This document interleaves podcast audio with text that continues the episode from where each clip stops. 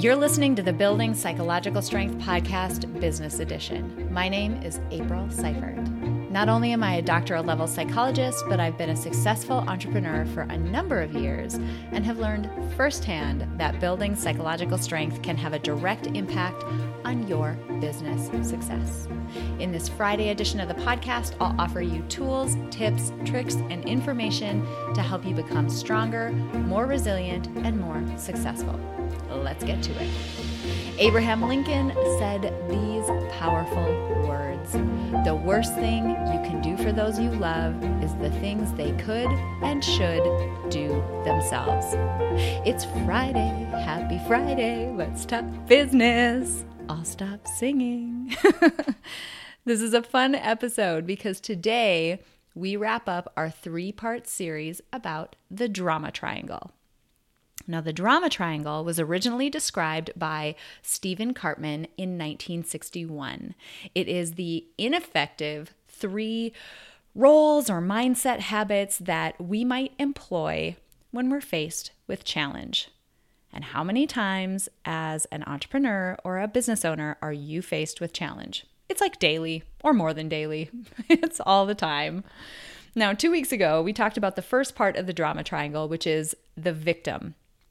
When we step into the mindset or the role of the victim, we see life as happening to us.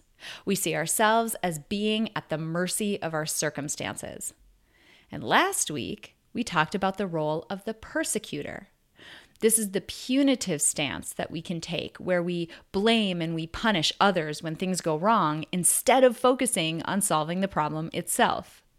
Now, if you missed those two episodes, you're definitely want to go going to want to go back and catch both of them because they're packed with really great and valuable information and they'll help you kind of round out what you hear in today's episode.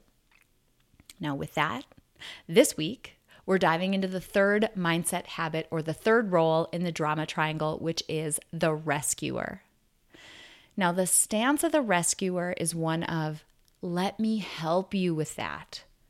Rescuers work hard to help and to take care of other people, and they even almost need to help other people feel good about themselves.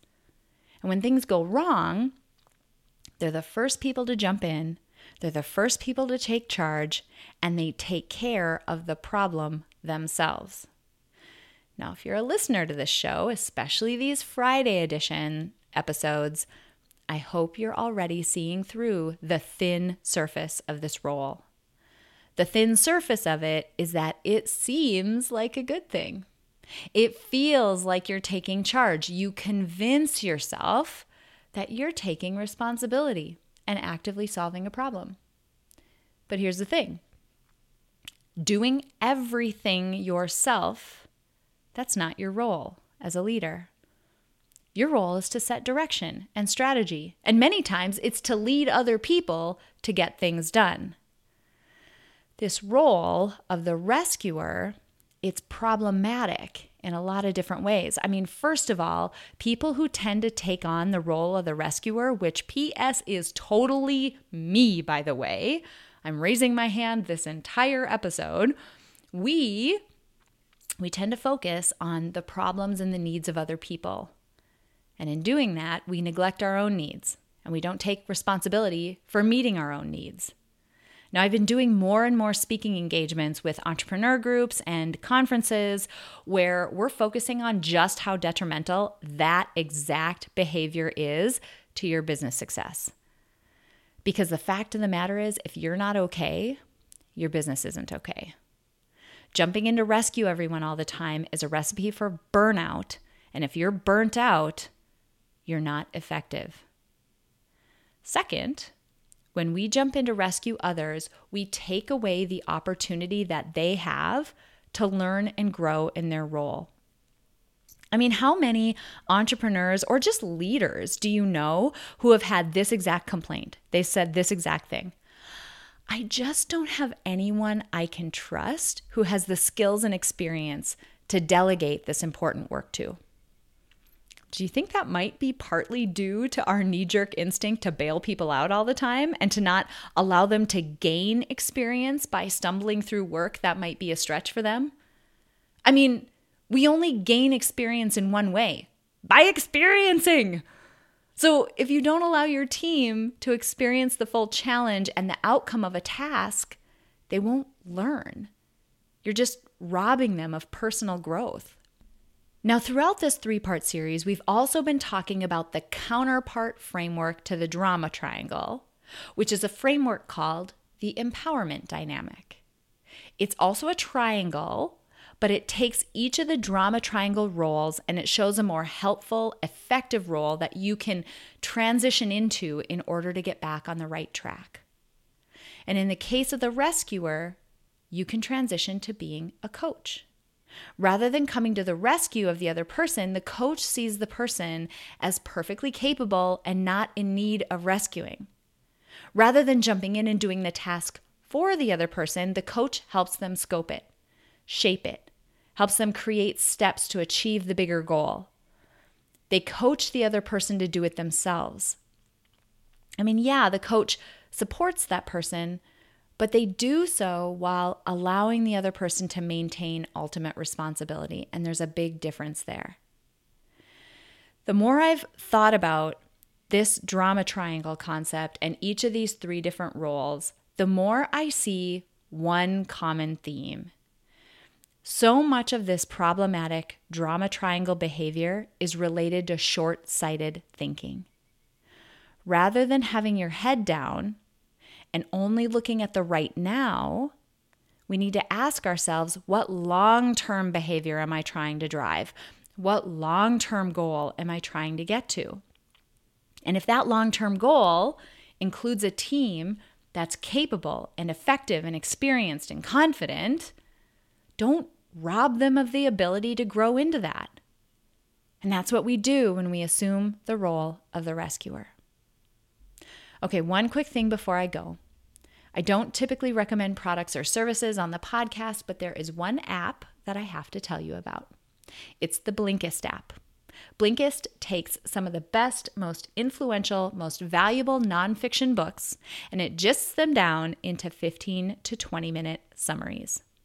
In 15 to 20 minutes, you can listen to a series of blinks and understand the key concepts, insights, and take home points from, say, a business book or a leadership book and be on your way to applying the concepts in your business and in your life in 15 to 20 minutes. Now, I'm somebody who is a very avid reader, and I use Blinkist in a few ways. There's a stack of books that I know I want to get to, but I just won't have time to physically read them, and Blinkist helps me out. I can quickly get the insight from them in these short summaries.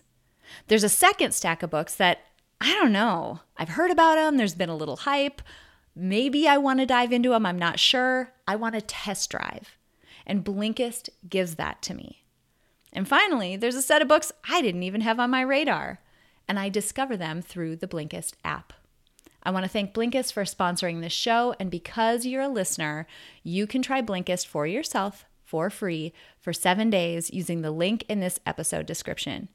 And if you get hooked, like I did, because you signed up with my link, you can get 20% off your first entire year of Blinkist. Hit the link in this episode description to learn more.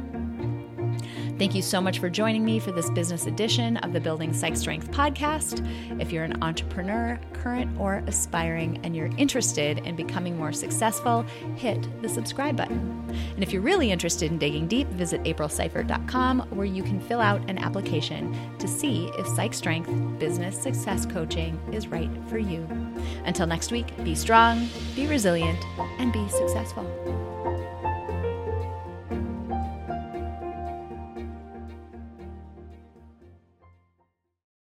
At Parker, our purpose is simple. We want to make the world a better place by working more efficiently, by using more sustainable practices, by developing better technologies. We keep moving forward. With each new idea, innovation, and partnership, we're one step closer to fulfilling our purpose every single day. To find out more, visit parker.com/purpose. Parker, engineering your success. As humans, we're naturally driven by the search for better. But when it comes to hiring, the best way to search for a candidate isn't to search at all. Don't search, match with Indeed. When I was looking to hire someone, it was so slow and overwhelming. I wish I had used Indeed. If you need to hire, you need Indeed. Indeed is your matching and hiring platform with over 350 million global monthly visitors, according to Indeed data, and a matching engine that helps you find quality candidates fast. Ditch the busy work. Use Indeed for scheduling, screening, and messaging so you can connect with candidates faster. And Indeed doesn't just help you hire faster. 93% of employers agree Indeed delivers the highest quality matches compared to other job sites, according to a recent Indeed survey. And listeners of this show will get a $75 sponsored job credit to get your jobs more visibility at Indeed.com slash podcast. That's Indeed.com slash podcast. Terms and conditions apply.